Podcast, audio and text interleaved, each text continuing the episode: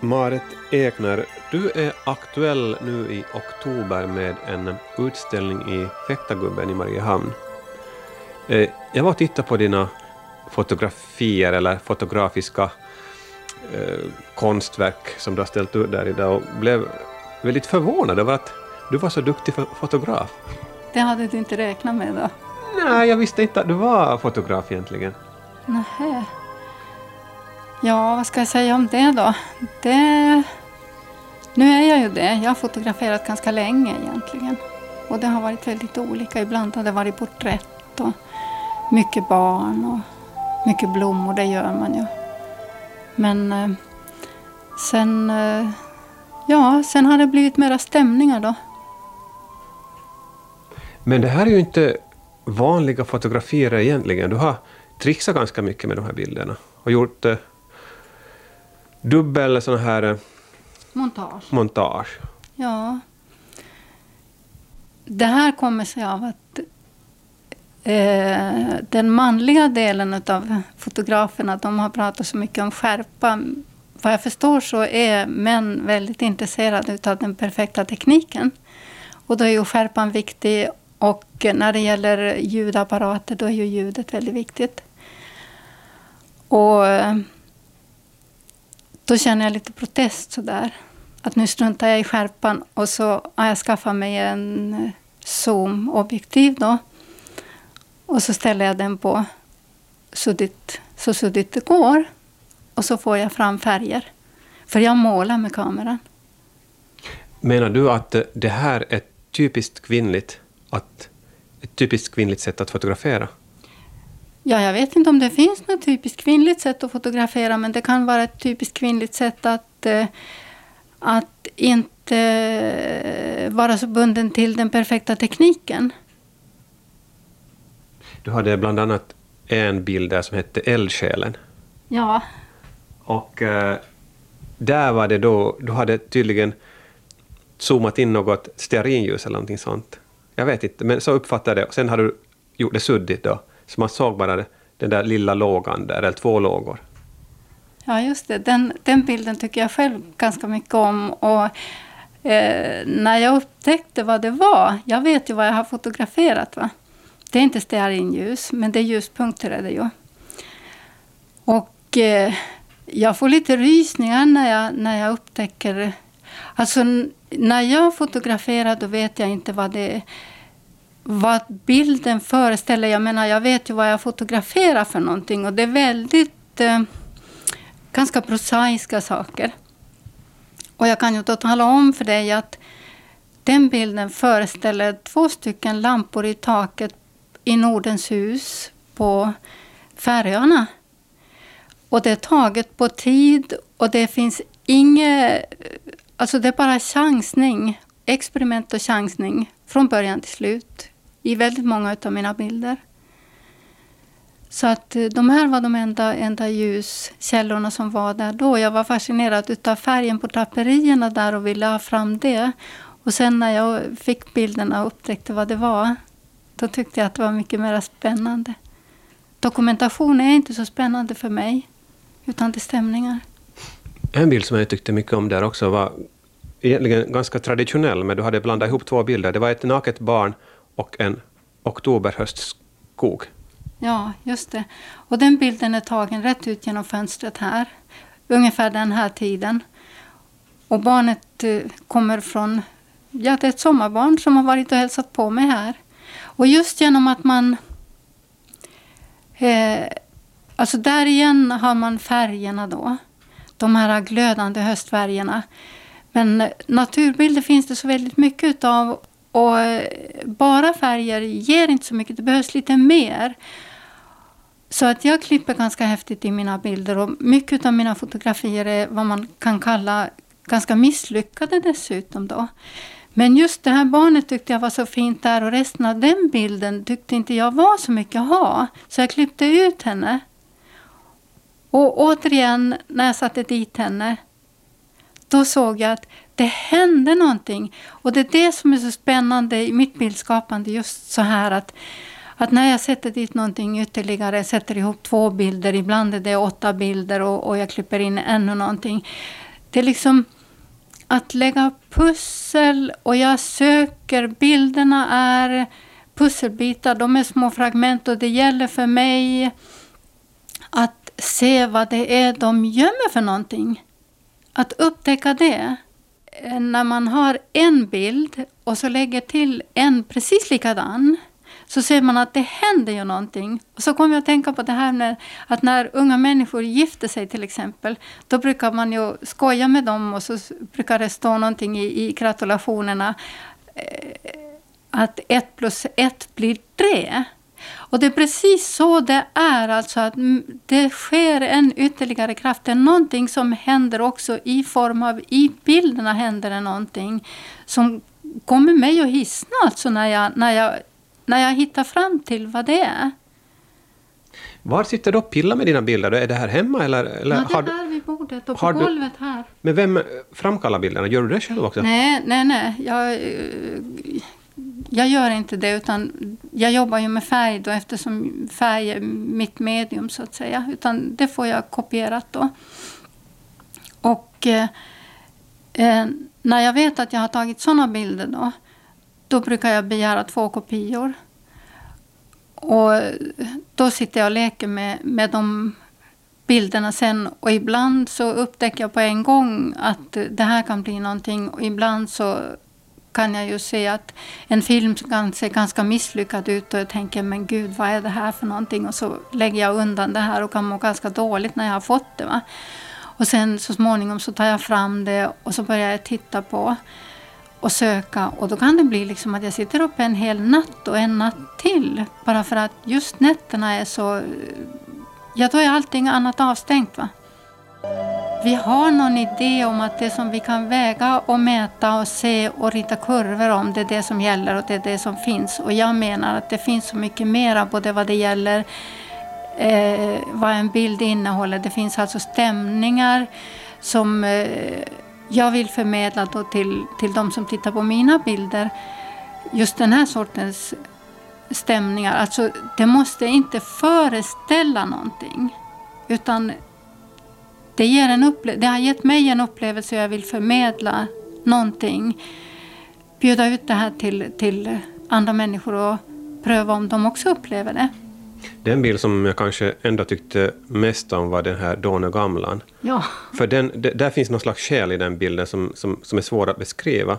Jag, jag, jag tyckte mig se någonting gammalt indianberg med, med gammal indianhövding inbakad i den där bilden. Har du ett ansikte där eller, eller ser det så där ut i verkligheten? Jag... Det ser så ut i verkligheten. Ibland, ibland visar sig gamlan så. Men det gäller att, att fotografera, det är ju att se. Mer än vad det har att göra med apparaturen skulle jag vilja säga. Då. Jag menar, det är klart, vissa objektiv kan man ta vissa bilder med och det finns eh, andra som man inte kan ta. Men det här är ju taget med världens enklaste, alltså inte, inte, inte automatikkamera men, men, men ändå. Alltså det skulle kunna gå att ta. Men det är strax innan solen går ner strax innan det så kan vattnet bli så stilla att det är absolut stilla. Och då klipp, klippstränderna, där finns det väldigt mycket alltså.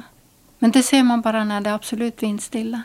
Men man ser då, ju nästan ögonen där i den där ja, klippan. Oh ja, och det är många ansikten. Ansikten som är i ansikten mm. och i ansikten som liksom växer och växer. Och de, det här är ju min bild. Alltså jag har ju bara, jag vet inte hur många tusen bilder jag har tagit. Men, men när jag använder den bilden som måttet, det har jag gjort ibland när jag har velat delta i fototävlingar och sådär.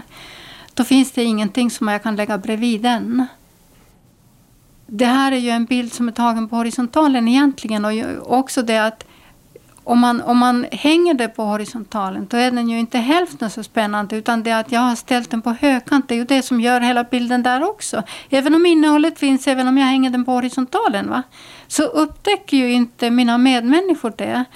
Och när jag går och hämtar mjölken på Södergårds här på kvällarna eller går ner i brevlådan innan, innan solen har gått ner och, och tittar över viken. Här finns det också en hel del stora insekter och, och grejer men, men det är inte alla som ser det.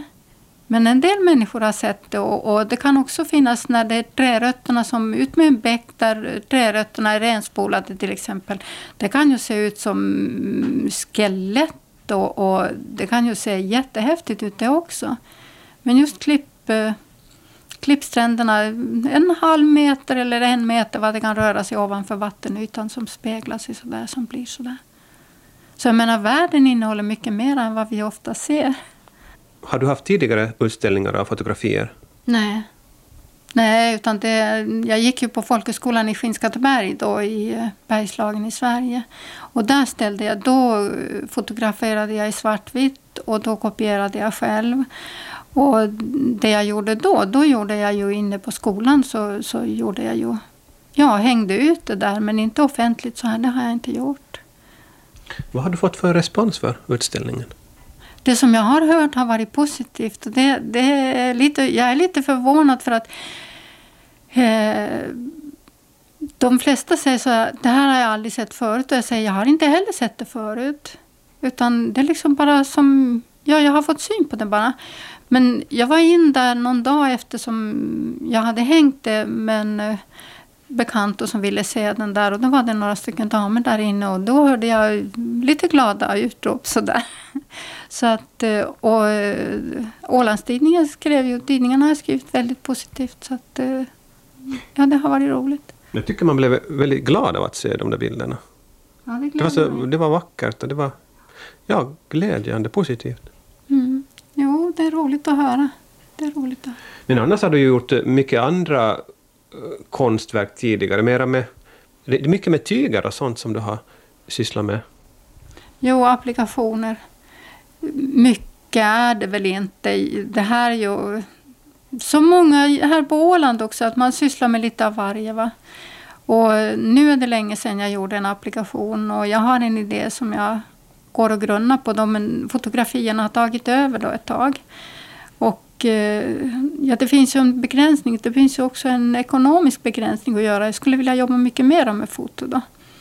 Men eh, det kan ju vara bra det också. Jag menar, det är inte, det är inte mängden som gör det. Vill du kalla dig konstnär? Nej. Vad är du? Diversarbetare. Nej, jag menar konstnär överhuvudtaget. Jag menar, konstnär är man ju när man har en högskoleutbildning och typ så här. Och, eh, men jag har ju inte det. Visserligen har jag haft olika konstnärliga, mera hantverksmässiga utbildningar än konstnärliga. Hantverk har ju också med konst att göra. Men jag menar, vad är konst då? Och vi begränsar oss ju. Konst är ju inte bara det som man sätter inom glas och ram då, utan eh, nu när jag gått och funderat på det här med vad är konst för någonting, då, då tänker jag att ja, men hela livet är ju konst. Om man gör det till konst. Det beror ju på det. Och jag, jag kommer ofta att tänka på att konst är liksom ett mänskligt mått, ett vedertaget mått och det som är konst. Och så tänker jag på att idag vet vi ju inte vad konst vad det är vi gör, det vi gör idag, utan det är ju efter några hundra år som man vet om, om det har överlevt. Det som, alltså, konst är ju en process, pågående process, och det kan vi ju inte se. Utan vi ser ju resultatet av den konstnärliga processen som vi kallar för konst. Och det är ju både litteratur och musik och, och målning och foto och film och allt vad du vill då. Men menar du att allt vad vi gör här i livet, det är på sätt och vis konst? Ja, ja det menar jag. Alltså, det beror på om vi gör konst utav det. Va? Man kan ju göra saker och ting med vad jag kallar för vänster armbåge. Vi är någon annanstans medan vi gör det. det eh, vi tycker inte det är roligt att göra det och, och, vi gör det kanske för att vi måste och vi gör det dåligt när vi gör det. Men om vi går in för att göra det, göra någonting utav det och just vara närvarande, att nu gör jag det här. Det må vara att man diskar eller torkar ett golv eller gör en fotobild eller målar eller det, jag tycker inte det spelar någon roll. Stapla ved. Jag tänkte just på det. att eh, nu, nu så skaffar jag ju min egen ved till exempel. Jag får det hemkört med traktor men eh, jag har fällt det själv och jag kapar det själv och jag hugger det Och den får ligga i solen och torka och sen staplar jag den utåt väggarna så att säga. I mitten kastar jag in. Men just att det som är staplat, det ska vara snyggt staplat. Och då tycker jag att det är också konst. Precis som när jag gör en trädgårdsgång eller eh, Ja, nyligen har jag torkat golv här inne, vedat mattorna och torkat golv. Och när det sen är färdigt så tycker jag att detta också är ett konstverk. Och konst innehåller ju också hantverk. Va? Även och, jag menar, oljemålningar betraktas ju som, som den verkliga konsten. Då den, det är den erkända konsten på något vis. Akvarellkonst det verkar som det är enklare sorts konst. Och hantverk det, ja, det är ännu enklare då, har jag förstått. Eh, även, även den här oljemålningskonsten den innehöll ju också hantverk. Och gör du hantverket väl, där färgerna ordnas på ett sådant sätt att de eh, drivs ihop med varandra. Det är ju då det blir konst och eh, det som lever vidare efter flera hundra år, det vill säga att eh, det väcker någon sorts upplevelseprocess i betraktaren. Då är det ju det som man kan stava med stora bokstäver sen då, med da Vinci och Rembrandt. Och, och jag tänker också på van Gogh. Han målade, målade, målade som en galning då och det räknades inte som konst. Och det sägs att han sålde bara en tavla under sin livstid och det var hans bror som var konsthandlare som köpte den tavlan då. Konstnärerna går före och banar väg. Och samtiden förstår egentligen inte vad det är de gör. Vad, vad tror du är vitsen med konstnärerna då? Varför, ska de, varför är de före sin tid? Vad är, det de, vad är det vi kan lära av dem? Ja, jag vet inte om... Jo, men de visar någon sorts verklighet. De, de ser mer än vad vi ser. Så tror jag att det är. De, de visar någonting som, som... De har alltså någon jag vet inte vad jag ska kalla det för, en förmåga att se samma, sådana sammanhang som inte vi ser. Kan du säga att du har någon speciell målsättning med din konst? Eller med dina bilder? Jo, det är att roa mig själv. Alltså det, det är en drift som... Jag måste bara göra det just då. Somliga lägger patiens och andra spelar på trav. Och det här eh, att, att söka sammanhang i bilderna sådär, det, det är en drift som jag måste bara göra. Det, det är en väldig tillfredsställelse, en väldig glädje i det här. Så det måste jag bara göra. Och jag... Eh, ja, jag gör det som jag tycker om och som känns okej okay att göra. Och det som jag inte känner stämmer för mig, då låter jag bli det. Och det handlar ju om ärlighet i mitt eget liv. Sanningen och ärligheten handlar det om då. Och en del tycker ju då att det här kan ju bli hänsynslöst. Att, ja men måste man inte ta hänsyn? Och jag säger att hänsyn handlar i regel om att man gör någonting som man egentligen vill göra och så gör man det av hänsyn till någon annan. Och det är oärligt. För att om man är sann och ärlig så, så då kommer inte det här talet om hänsyn överhuvudtaget, det blir inaktuellt på något vis. För att om jag säger att om något begär någonting av mig och jag säger att men det här stämmer inte, det kan jag inte göra för det stämmer inte för mig. Jag tycker inte att det finns någon invändning. Jag kan inte göra några invändningar mot andra människor när de säger så. Men för att eh, kunna då vara ärlig mot sig själv och göra det man själv tycker om, så måste man ju också ha förutsättningar för att göra det rent ekonomiskt. Hur, hur, hur får du ihop den biten då? Att, att eh, det är inte så lätt att leva på konsten, leva av konsten. Nej, alltså man kan ju... Eh, man har två val när det gäller ekonomin. Den ena är att öka inkomsterna eller också minska i utgifterna. Va? Och jag är en paddare på att minska i den ändan då, utgiftsändan. Jag är inte någon baddare på att öka inkomsterna. Och sen har det att göra med vad vill jag med mitt liv? Alltså vill jag äga saker eller, eller eh, vill jag leva vad jag tycker är innehåll i mitt liv? Och jag har ju haft stor familj och jag har ju ägt en massa saker och gjort livet bekvämt för mig. Och nu har inte jag det längre utan eh, det är som i många andra fall har det varit skilsmässa och pojkarna är stora, har egna familjer. Och jag har hittat min miljö här på Dånö.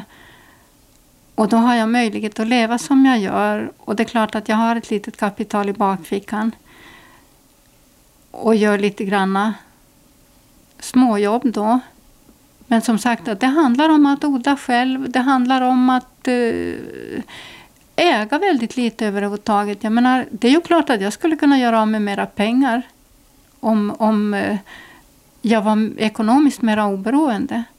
Men, eh, men nu är det så här och jag, jag tycker att ägandet binder varje sak som du får i din hand kräver ett beslut. Vad ska jag göra med det här? Även tidningen som kommer varje kväll så måste jag fatta beslut. Vad gör jag med den sen? Så att ska jag ha, elda upp den eller ska jag eh, lägga den i återvinningskassen? Eller, och så gäller det med varenda grej. Och jag, jag har liksom valt då att jag ska äga så lite som möjligt och ändå, trots att jag har den inställningen, så vill det gärna samla sig mer än vad jag vill ha. Nu är jag i den lyckliga situationen då att jag bor i ett sånt litet hus som begränsar också. Men det finns vissa böcker till exempel som handlar om trädgårdsodling nu. Till exempel när jag har börjat anlägga min trädgård. Då. Det är väldigt lätt att falla i fastun för trädgårdsböcker. Men tror du att om man riktigt vill så kan man ändra om sitt liv som du gör idag utan att då ha eventuellt ett litet ekonomiskt eh, en, en liten eh, summa i, i bagaget? Ja, det handlar, ju, det handlar ju om att välja en nivå. Alltså levnadsstandardsnivå då. Tycker jag.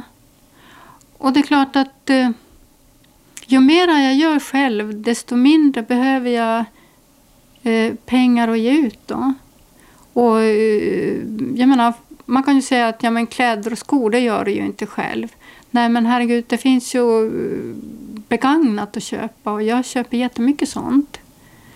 Så att, eh, och det man kan ärva av andra människor också om man bara inte har högfärden att behöva ha nya mm. grejer. Så att eh, det, och det är ju också fråga om återbruk. Då. Jag menar, det som någon annan har tröttnat på är ju nytt för mig. Så att... Och, och, att få tag på ett par begagnade skor som är sköna, det är liksom den största lyckan för att det är svårt att få tag på nya som är sköna. Många här på Åland har ju flera bilar, sommarstuga, båt. För att inte tala om TV, video. Du har egentligen ingenting av det. Nej. Men jag menar, de vill leva det så då. Det, det är så olika vad man vill. Man är ju i, men vi är ju i olika utvecklingsnivåerna. Och eh, vi har rätt att befinna oss där vi befinner oss. Och jag ser, jag ser livet eh, som en vandring uppför en kulle. Och eh, man kan ju nå toppen på olika sätt. Man kan liksom ta det från start till mål då och bara rakt upp och då kan det vara rätt så kämpigt beroende på hur brant det är då. Andra går runt, runt, runt denna kulle om du tänker dig en rund kulle nu då. Och man kan ju vandra runt den utan att ändra höjd överhuvudtaget och somliga går fram och tillbaka. Men jag menar, eh, horisonten öppnar sig ju högre upp man kommer då. Det, jag menar, ju längre man vandrar, ju, ju äldre man blir då, så, så kommer man ju lite ovanför trädtopparna och ser ju mera öppet över en massa det som tidigare var väsentligt. Och en del kan ju begagna ett helt långt liv utan att Eh, utvecklas så värst just i det här livet. Men jag tror ju på flera liv, så jag tänker att de kommer väl tillbaks. De är väl nybörjare de då. Det är viktigt att vi inte värderar varandra. Det är det som är, är betydelsefullt för mig då. Och värdering är överhuvudtaget av ondo för att det skapar så mycket problem för en själv. Och jag menar, jag värderar ju också men jag försöker att motarbeta det. Och jag tycker i alla fall att från det som jag kom därhen att jag upptäckte att det är värderingen av andra människor och andras göranden och låtanden som skapar en massa problem åt mig själv. Då hade jag tagit ett steg framåt och jag befriades ifrån en hel del. Jag behöver inte förarga mig, jag behöver inte irritera mig. Jag behöver inte bekymra mig utan jag kan säga att ja, han eller hon befinner sig där och har behov av det han eller hon gör just nu. Då. Hur långt har du hunnit på din väg upp till kullens topp? Då? Ja, det vet jag ju inte. Jag vet inte hur hög min kulle är. Men mänskligheten som helhet har ju inte kommit särskilt långt. Och jag tycker att vi befinner oss på krypstadiet om man tittar på hela mänskligheten. Vi kan fara till månen och därför så tror vi att vi är så utvecklade. Men eh, om man tittar på alla krigen till exempel, då ser man ju att vi är inte det. Däremot så, så har vi ju inte sett våra gränser än, vart vi kan komma någonstans just som människor. Inte som tekniker och uppfinnare, utan som människor. Om du tänker dig ditt idealsamhälle, hur ser det ut där? Ja, det var roligt att du ställde den frågan. Jo, där har man inte pengar som måttet på välfärden utan där har man mänskligt välbefinnande som måttet på välfärden. Och jag kan inte förstå att de inte har upptäckt det utan de pratar om pengar. För det gör ju att människor stressas idag väldigt mycket och mer och mer. Och vi hinner ju inte varken med våra barn eller gamla, vad jag hör på radion då. Och Eh, det blir ju sjuka människor utav det här jäktet. Så att, och av sjuka människor kan man ju inte bygga ett friskt samhälle. Utan vad jag förstår så måste det vara mänskligt välbefinnande man utgår ifrån och det ger i slutändan också ekonomi i pengar. Och då måste vi måste ju börja med att tänka på barnen. Och hur mycket vuxna finns det idag som kan ta hand om barnen på ett sådant sätt att de får så mycket kärlek som de behöver och är så sedda att det blir harmoniska människor utav dem. För att eh, många människor har ju gått igenom väldigt svåra saker. Och människan är ju också rätt konstig varelse på jorden överhuvudtaget för hon vet inte hur hon ska ta hand om sin egen avkomma. Det har vi också sett.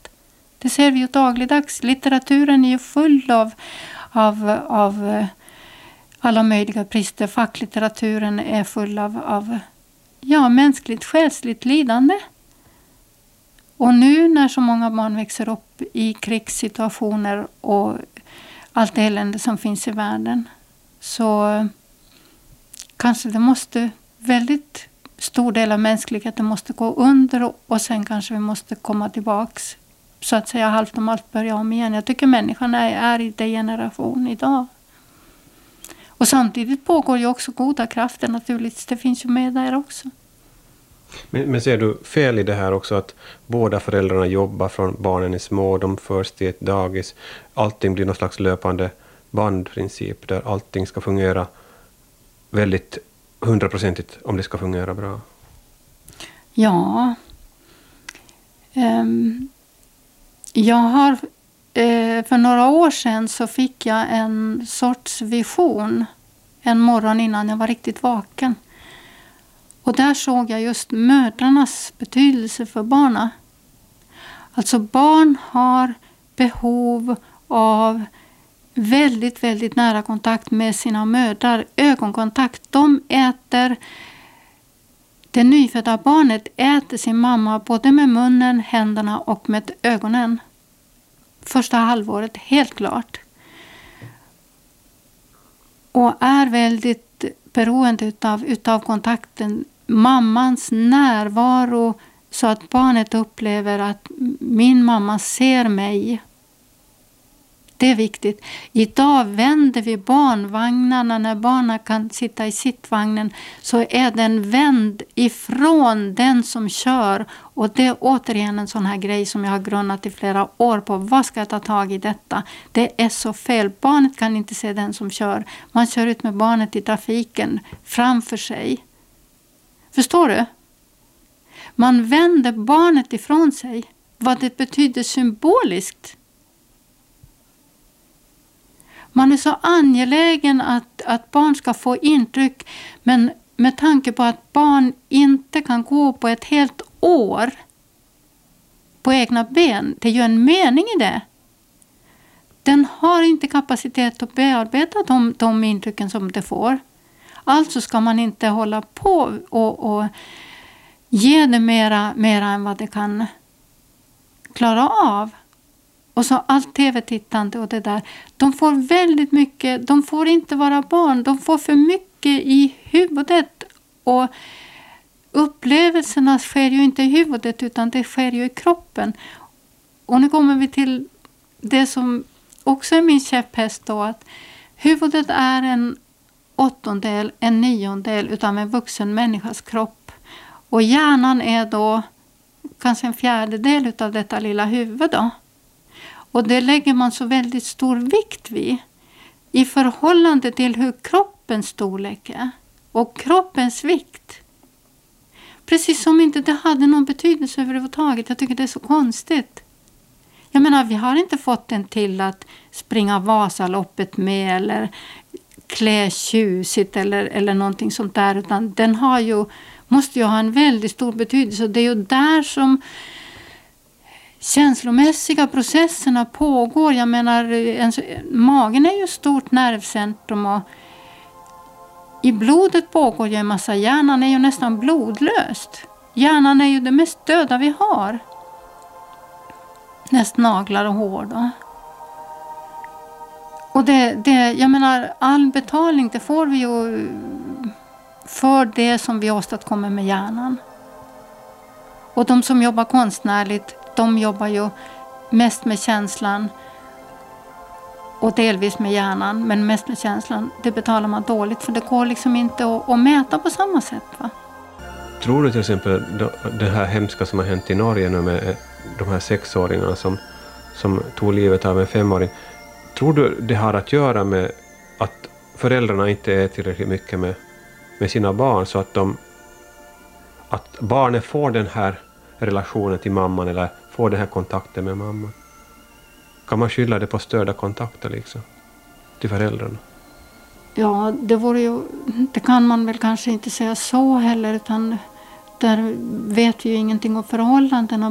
Vad jag omedelbart kom att tänka på allt våld som barnen får se idag på, det, på jag menar tv-spel och tv-serier och videos och, och eh, dokumentärer och allt sånt där. Och naturligtvis eh, vuxna som inte hinner med vad de... Jag menar alla föräldrar gör så gott de kan. Va? Varje förälder gör så gott de kan. Det är bara det att förmågan är olika hos oss. Så att, eh, men jag menar visst handlar det om övergivna barn i det stora hela. Alltså att vi har övergivit våra, vi sviker våra barn. Det gör vi.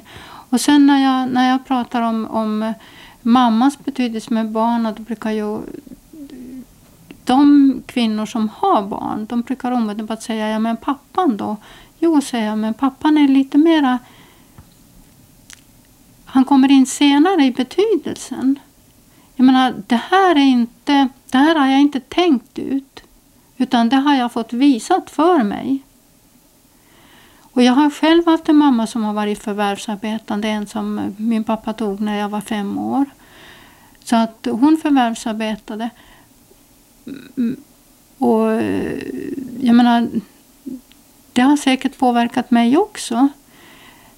Och det är livets nödvändighet. Men det som jag tycker då som jag skulle vilja ändra på är det att kvinnor blev mera medvetna om sin betydelse som förälder och sen därifrån ordna sitt liv. Men i vår kultur så är vi väldigt förnekande. Moderskapsförnekande. Och det är det som, som jag tycker är fel. För att Ofta när man säger sig prata om barn så pratar man vuxna kvinnors möjlighet att förvärvsarbeta, att försörja sig och allt det där. Och det är också viktigt, men då ska man inte låtsas som man pratar om barn. För att om man pratar om barn, då måste man tala om barns behov. Och det är det jag pratar om, det här idealsamhället. Där utgår man ifrån barnets behov. Alltså nu har vi små barn. Hur gör vi så att de blir harmoniska människor som kan ta över samhället så småningom och som eh, bygger ett samhälle i kärlek istället för krigande och konkurrerande.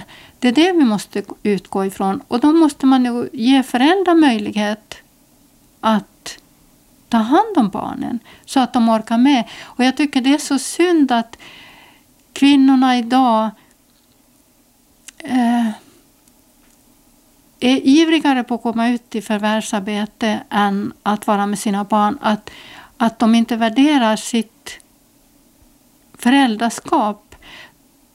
Och det är ingen annan som kommer att göra det heller så länge inte vi kvinnor uppvärderar vad vi gör. Jag menar, vi är ju Marior allihopa egentligen. Vi föder ju fram nya generationer till världen. Det är ju vi som gör det. Och det här är ju någonting som bara vi kan. Det måste ju vara vi som, som måste inse vilken bedrift det här är och likadant att vi har fortfarande huvudansvaret för uppfostran också. Männen tar mer och mer men fortfarande är det vi som tar huvudansvaret. Och det här att de byter blöjor och gör vissa praktiska grejer, det är en sak. Men just detta att ha ansvaret, att hela tiden vara medvetna om dels ja, vilken skola man väljer eller eh, vad är som händer med det här barnet nu. Och det är liksom så mycket som inte är så synligt. Men som hela tiden, att ha det i sitt medvetande. Mm. Men, men nu vet jag att det är många kvinnor som protesterar. För att om man tänker då en kvinna som har en bra utbildning mm. och, och, och, blir mamma då, då vill hon ju ganska fort ut i förvärvslivet för att få jobba med det hon kan, för annars så kommer hon kanske inte att få något jobb för att hennes utbildning blir för gammal och sådär. Vad ger du för råd till en sån mamma då? Jo, naturligtvis ska hon göra det. Alltså, det jag menar är att man måste vara medveten. Bli medveten om sin betydelse som mamma. Och sen ordna sin liv, sitt liv efter det. Jag är den viktigaste personen i mitt barns liv. Hur kan jag i det läget utveckla mig själv som vuxen människa? Hur kan jag tillfredsställa mina vuxenbehov vid sidan om detta? Hur kan jag sköta mitt arbete? Hur kan jag försörja mig? Mm. Istället för att och bara prata om det behovet mm. menar jag. Men menar du då att om en kvinna ska om en kvinna strävar efter en yrkeskarriär, då måste hon låta bli att föda barn? Nej, inte så. Utan jag menar att om hon vill ha barn så måste hon tänka på att hon tar på sig ett, faktiskt ett livslångt, livslångt ansvar. Och att hon måste vara medveten om att hon är den viktigaste personen i sina barns liv. Och sen utgå därifrån och göra det som är möjligt. Hur gör jag nu med arbete, med karriär, Samtidigt som jag vet att det här lilla barnet behöver så mycket som möjligt av mig. Och då menar jag att då borde det vara ordnat i samhället på ett sådant sätt att man kanske kan... Ja, dels måste man kunna vara föräldraledig ordentligt. Och jag tänker till exempel de två till första åren då i ett barns liv. Eller att man får ha kortare arbetsdagar. Vad vet jag? Möjlighet att vila också. Och jag menar, det är en, en mamma som är hemma hela dagarna varenda dag. Det är ingen garanti att det är en bra mamma heller. Det är ju inte så. Utan det hänger på hennes förmåga att visa barnet jag älskar dig, jag ser och jag hör dig. Och att säga det är inte nödvändigt, tror jag, så mycket som att just visa det. Här kommer barnet och säger ”Titta mamma” och då tittar hon och verkligen tittar. Eller lyssnar. Upplever du att barn idag är otryggare än förr? Ja. Och jag har funderat på det. De har, redan fyraåringar har svåra koncentrationssvårigheter. Och jag har funderat på det, vad är det som är skillnad i barns liv idag mot när jag själv var barn? Och den största skillnaden som jag kan se, det är den intellektuella träningen. Man ska förstå allting. Och jag har fått nåden att slippa förstå fram till skolåldern. Utan jag har bara fått lalla omkring i naturen, på landet väldigt mycket. Utan att någon gick med någon pekpinne och, och talade om vad det hette och varför allt det här. Det här med varför-frågor och därför-svar, det tror inte jag på före skolåldern. Utan eh, det ska, barn ska kunna fråga innan det kommer svar, tycker jag. Men när de, när de frågar så är det viktigt att, att man får ett vettigt svar. Eller ett, ett svar som barn kan ta till sig. Men just att, att barn kan gå upptäcka själv. Och barn är ju de verkliga forskare. De har inga idéer som de ska försvara eller sådär. Utan de går ut med öppna ögon, vidöppna ögon och tittar på världen och, och ser hur världen är. Och det är jag väldigt glad åt att jag har fått göra som barn. Och jag kommer ihåg också vad jag fick ut av det och hur jag gick och studerade naturen och hur, hur jag kunde se sammanhangen. Jag visste att när vissa blommor hade slagit ut så visste jag vilka fåglar som var vänta eller när, när, när storspoven hade kommit så visste jag att då kunde jag gå och plocka majvivor ute i, i underbuskarna där. Och så vidare och så vidare. Jag kunde se sammanhangen då utan att någon hade talat om att så och så är det. Och det, den chansen får inte dagens barn. Jag tänkte på det när du eh, är född i Estland och har fått ströva omkring mycket i naturen. Nu har du återvänt till naturen, men på Åland. Du, eh, upplever du på något sätt att du som eh, äldre har återfunnit barndomen på ett annat plan? Jag har kanske inte barndomen... Ja, det här med barndomen är ganska märkligt egentligen för att det är så här. Eh, jag är nästan 65 år idag och eh, jag har alla åldrar i mig. Och det som skiljer mellan generationerna det är att de som är yngre, en 16-åring, har bara 16-åringens liv bakåt från 0 till 16 år. Och jag är både, både 1 och 2 och 16 och alla de andra åren också i mig och med mig och vi bär dem med oss. Och så brukar man säga att när man blir gammal så blir man som barn på nytt. Utan, och det är inte sant tycker jag, utan man är barn hela tiden. Egentligen barnet är starkast i oss. Egentligen särskilt det behövande barnet är väldigt starkt i många av oss. Det är bara det att när vi blir riktigt gamla så förlorar vi kontrollen att dölja det där lilla behövande ledsna barnet. Och då kommer det fram igen. Men här på Åland, alltså jag är ju född mitt i Estland i, i inlandet. Och det har varit bördig mark där.